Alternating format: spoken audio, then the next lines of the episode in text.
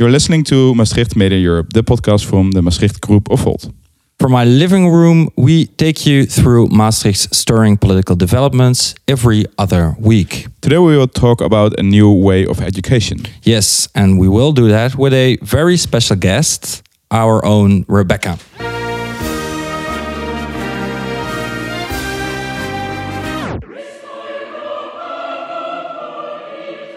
Hello.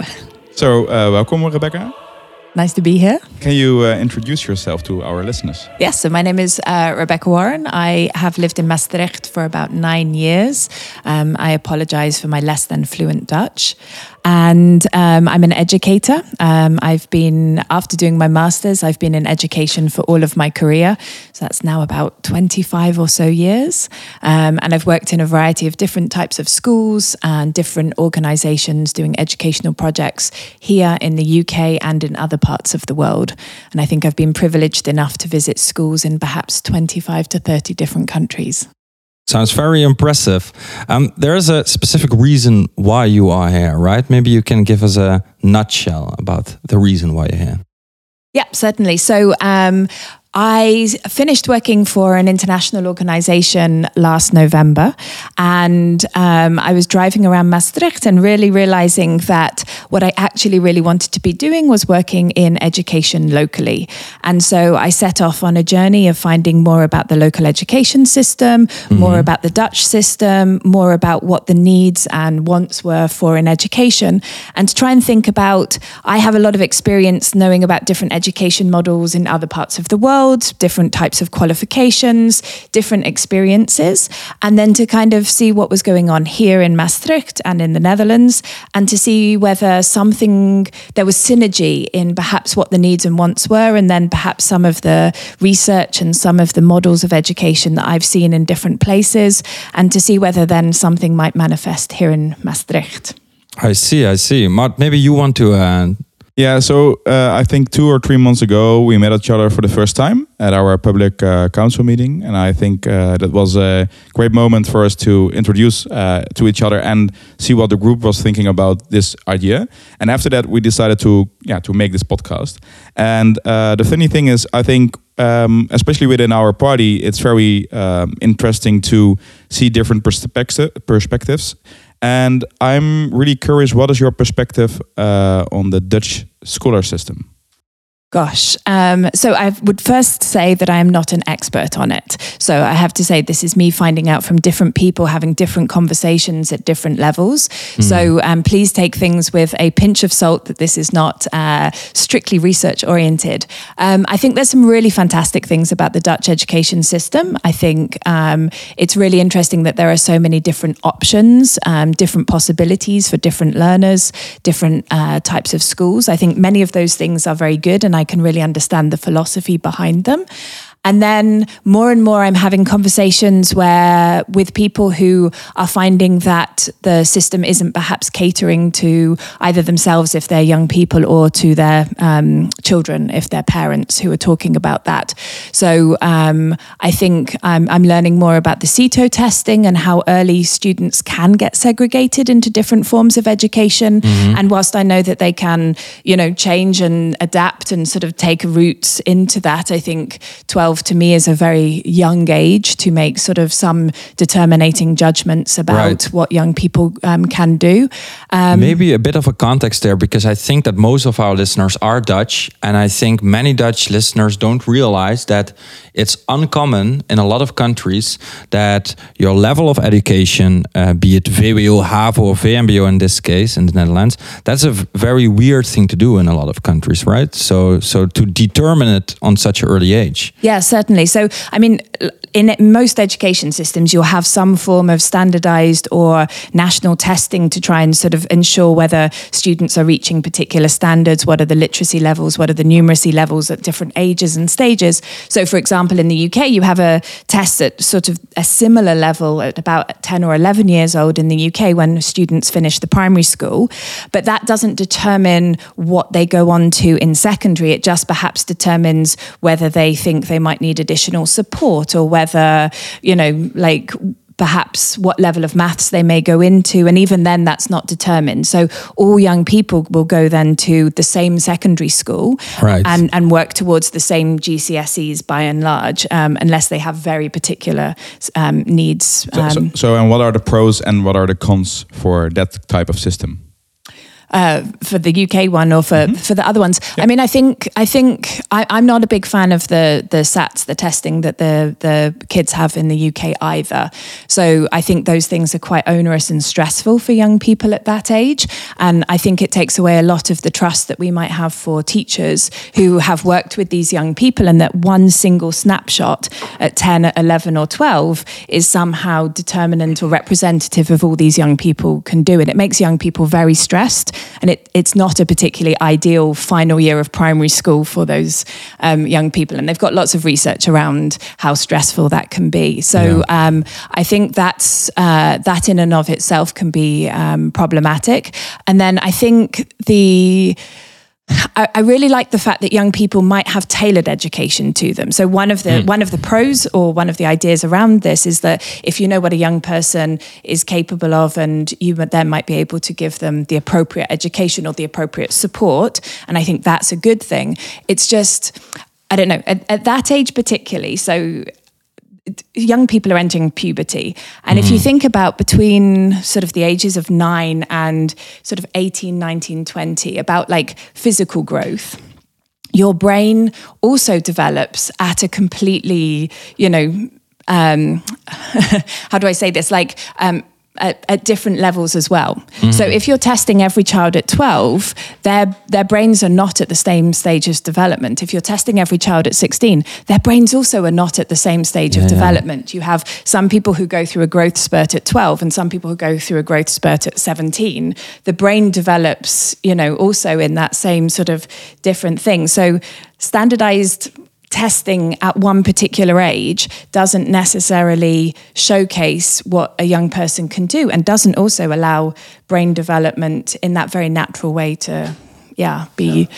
determined so in a nutshell if we look at the Dutch system from your perspective, the the good um, side of it is is that the education system somehow uh, adapts and is tailored to uh, the level of uh, of the pupils, you could say, or uh, to their strengths and their weaknesses. But then you actually also point out that the way the education system is tailored for pupils here is not productive, um, might actually unfairly put them in a certain position and doesn't take into account that um, these children are still developing in such a way that they don't know what their strengths and weaknesses are. Exactly, exactly. So there's a thing in sociology called self-determining um, self-determining prophecy. So this idea that if you label a child X, then they fulfill that prophecy right. or whatever. And I think um, we really sell our young people short because these tests, bear in mind, only test a very small element, and it's usually very focused on numeracy and literacy. And literacy is very much focused on just reading and writing. Right. So very, very focused skills. And I'm not saying those things are not important in today's world. I think a lot of times when you talk about educational reform or change, people suddenly think, oh my goodness, like everyone wants to lower standards. We don't want to have our children being able to add up or to read or write, and that's not the case at all. But those tests are determining very small, like a very small set of skills or knowledge compared to all the things that young people can be and say and do and achieve in the world. And mm-hmm. so, this idea of, I really think we limit what the sense of possibility is for our young people by putting on labels of you are in this particular school or you are able to only achieve this kind of thing. And if they actually were able to be a little bit more freer with kind of, I don't know, coaching and, and being able to explore what their interests are and being able to, you know, sort of, of I don't know, make use of all the different possibilities that were out there and the people that were out there and the subjects yeah. or the areas that they were personally interested in. I feel like that kind of idea of motivation and like, yeah, the intrinsic motivation to do something would grow I think young people need to be exposed to a lot of different areas and possibilities. I think you only know what you know and you don't necessarily know what you don't know. So I do think one of the roles of education is creating provocations, opportunities, experiences for young people to figure out what is out there, what things they like. You know, you always hear stories of people kind of going, I never knew that this kind of career existed until this happened, or I didn't know that actually I was really good at this kind of thing until I went to this workshop, etc. So I right. think there's definitely the range that, that schools should be sort of offering and providing young people with a lot of different opportunities to explore and to consider and to bring in experts and to take them to different places yeah. and to raise the aspirations and possibilities. And then I, I do think that there should be this ability for young people to then self determine what it is that they want to study and how they want to study maybe to play the devil's advocate, right? Like uh, uh, uh someone could actually um, wonder whether children even know what they would like to do to begin with. I mean, at least our high schools start with the assumption that children don't know what they want, mm. right? So, how would you respond to such a critique? Yeah, I think, I mean, it's a clever dance of, of educators who can really work and get to know young people. So, mm. you know, the, the most critical thing in research about supporting young people is based on the relationships that they have with teachers as with educators. So it's again, it's that dance to kind of know when is it time to step in and be the adult and kind of give some guidance and some support and some suggestions.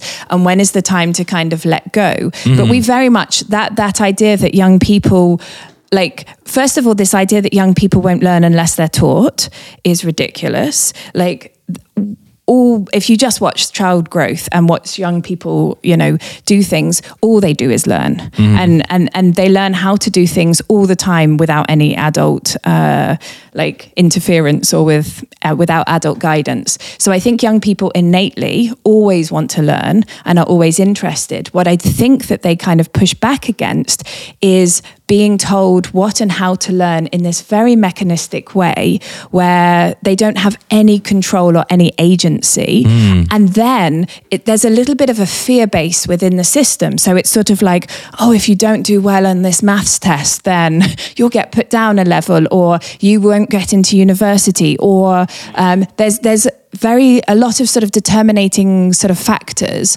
that end up being very competitive and fear based and for a lot of students even good students that can actually be really detrimental to their well-being their sense of self-esteem their ideas of agency. Whereas i think if you flip it and sort of say okay what are you wanting to study? and then you know you figure out to do that dance that i said with um, with somebody who's an educator and can coach them you'll actually find that they find their path. Mm-hmm. and when they make choices to study maths because say they need to get into university and they kind of realize they have got to study maths they'll make the choice to study maths they'll study maths you know? And i'm just using maths as an example. So, so if we zoom out a little bit um, i think the the main uh, idea you have i think it's quite different than the, the current system we have. I think that's something very uh, exciting. Uh, but also if you zoom out a little bit more and you uh, look back to maastricht how would you implement this within our city? It's exactly what I'm trying to figure out. It's a really difficult so can, question. Can you, can you uh, explain us what, what what's happening, what you see, where, what kind of issues of difficulties you see, and what things are going already uh, great? Yeah. So for me, I'm trying to, I, I would love to do a couple of things. So I think there's one particular school model, which I've talked to you both about, sort of the big picture learning model, which already exists here in the Netherlands. So you can look up big picture um, learning Netherlands and it, it's sort of Stichting. And at the minute, it's in VMBO schools. Um, and it's this idea um, they have 10 principles. You can look it up on the internet. But I really like that model of learning. Each individual has their own uh, timetable, their own journey of learning, mm-hmm. and they spend a lot of time on the socio emotional and the learning um, community um, and advisory. There's a new um, uh, credential. And this is where it gets really difficult. So when you ask about this, I'm going to go into a slightly boring legis- legislative piece here. Mm. But um, you can do a lot of different things for young people in primary school. You can do, you know, because there's a little more freedom with that middle school also and i'm talking then about sort of up until about 14 or 15 you also have a lot of freedom and a lot of choice because there are not so many exams or restrictions given once you get to the pre-university age and then you're getting into kind of whether you know or pre-job stage when you need to do the state exam actually. when you need to do the state exams that's the bit that becomes difficult because regardless of what style of education you wish to do whether it's you know project-based learning whether it's individual Right. learning journeys routes whatever it is at some point young people have to go and actually fulfill state mandated qualifications VMBO HAVO you know it could be the IBDP in the UK it's GCSE or A level or whatever those different ones are. So you may have a kind of standardized exam that doesn't necessarily fit the style of education that Yeah. the school wants to do. And increasingly, what I'm seeing is that what schools and educators want to do and what parents want from schools do not necessarily correlate to the kind of assessment that then um, young people are being asked to do in order to graduate from high school. So there is a new form of assessment that's coming out of Australia, backed by the University of Melbourne. And it's being trialed in the US, that actually is a competency based route which would allow young people with a fairly holistic um, set of different competency areas quantitative reasoning, qualitative reasoning, etc. So it's not. Um, you know it's it's it's it's still comprehensive and rigorous in mm-hmm. terms of academic ability but it allows young people to fulfill those competencies and skills in a variety of different ways and picking and choosing from the smorgasbord of amazing opportunities that could be available including their own projects or a qualification or whatever happens to be Yeah, but how can we like implement it within this city? Because I can imagine that you were just started this idea. Um, so, are there any partners you already uh, have talks with uh, who are really backing this idea and want to support you, or are there people who are really against this idea and they are really don't like this and they say you're a threat for the system? I, I really want to know the the more human kind of Yeah. the human uh, uh, aspect of this journey you are having. yeah and the Maastricht perspective yeah, Yeah. So I, I think I think when I talk to um, local folks, so I've had, for example, a couple of. Um, I call them focus groups. That's perhaps a, a little bit too grandiose to say that they're focus groups. But chatting to young people here and, and to parents, and you just sort of say, hey, like, this is a possibility. I've had a lot of enthusiastic responses.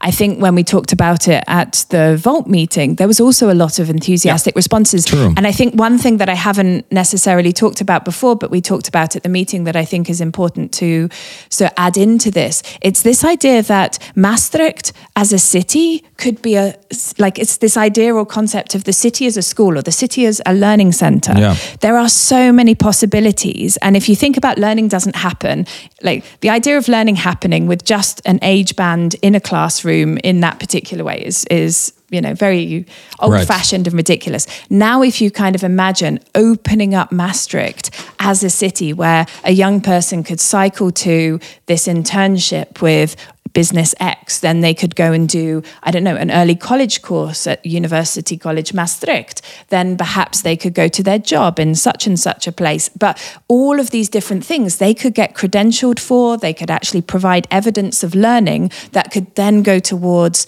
this competency diploma. And then I think you have a really exciting proposition. Maastricht's a small city. You know, can, so- can it, can it, uh, I, I think this is a great first step. And can it be also a reason for uh, international uh, folks to, to stay because you are more uh, integrated in the city? Or how do you see that? Yeah, I think so, and I think I think it kind of works both ways because I I, I do hear a local demand for and. Well, people say international education, and I'm not 100% sure what exactly people have a different concept or idea. What does that mean? Yeah. But I think for local kids um, who are here, the idea that they could, you know, be like, I don't know, exposed to different ideas, different thinking, different organizations, different international organizations, um, and you know, interesting job opportunities both in Maastricht and beyond. I think as well for the sort of international population that's here, it can be difficult sometimes to integrate. Yeah. And if you're learning Dutch, and it I will use myself as a very bad example of this. Like, unless there's a reason to really learn it, the motivation, it's quite difficult to. Now I have a real motivation to learn Dutch.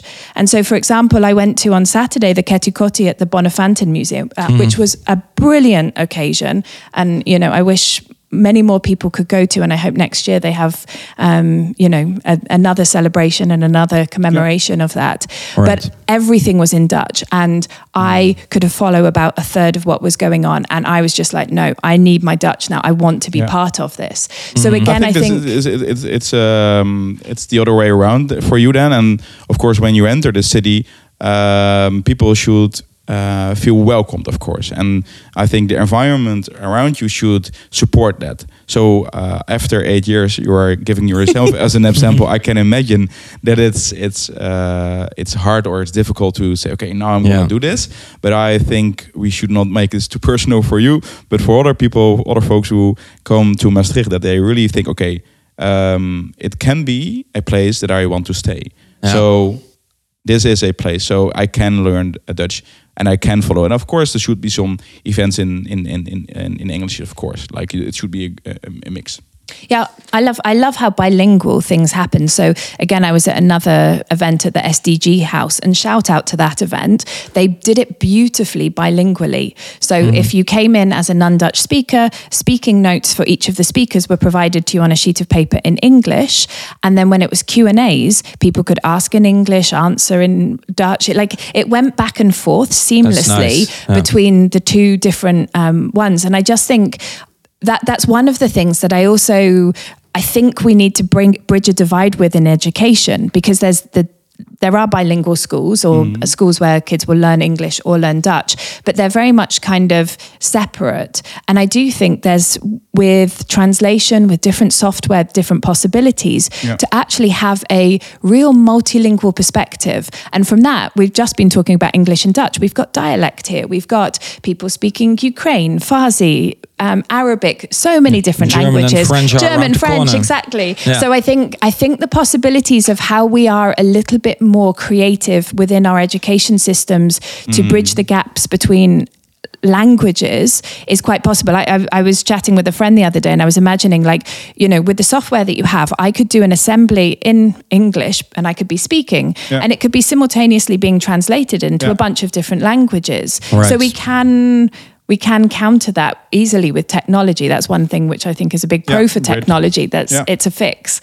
Um, and I think again, once people know each other, the uh, desire, the motivation to learn languages, to connect, I think is really important. And I do think still it does seem that some populations don't mix as much perhaps in the city and again i speak uh, you're nodding so i'm presuming you agree with me because I, I agree. okay then yeah So, Yeah. so, Jules, maybe you have one last burning question uh, for Rebecca. Yes, I do. Actually, um, I would like to direct this question to you, Mart, but it's based on what Rebecca has said so far. You have talked, Rebecca, about the uh, struggles that children uh, undergo in this traditional high school system.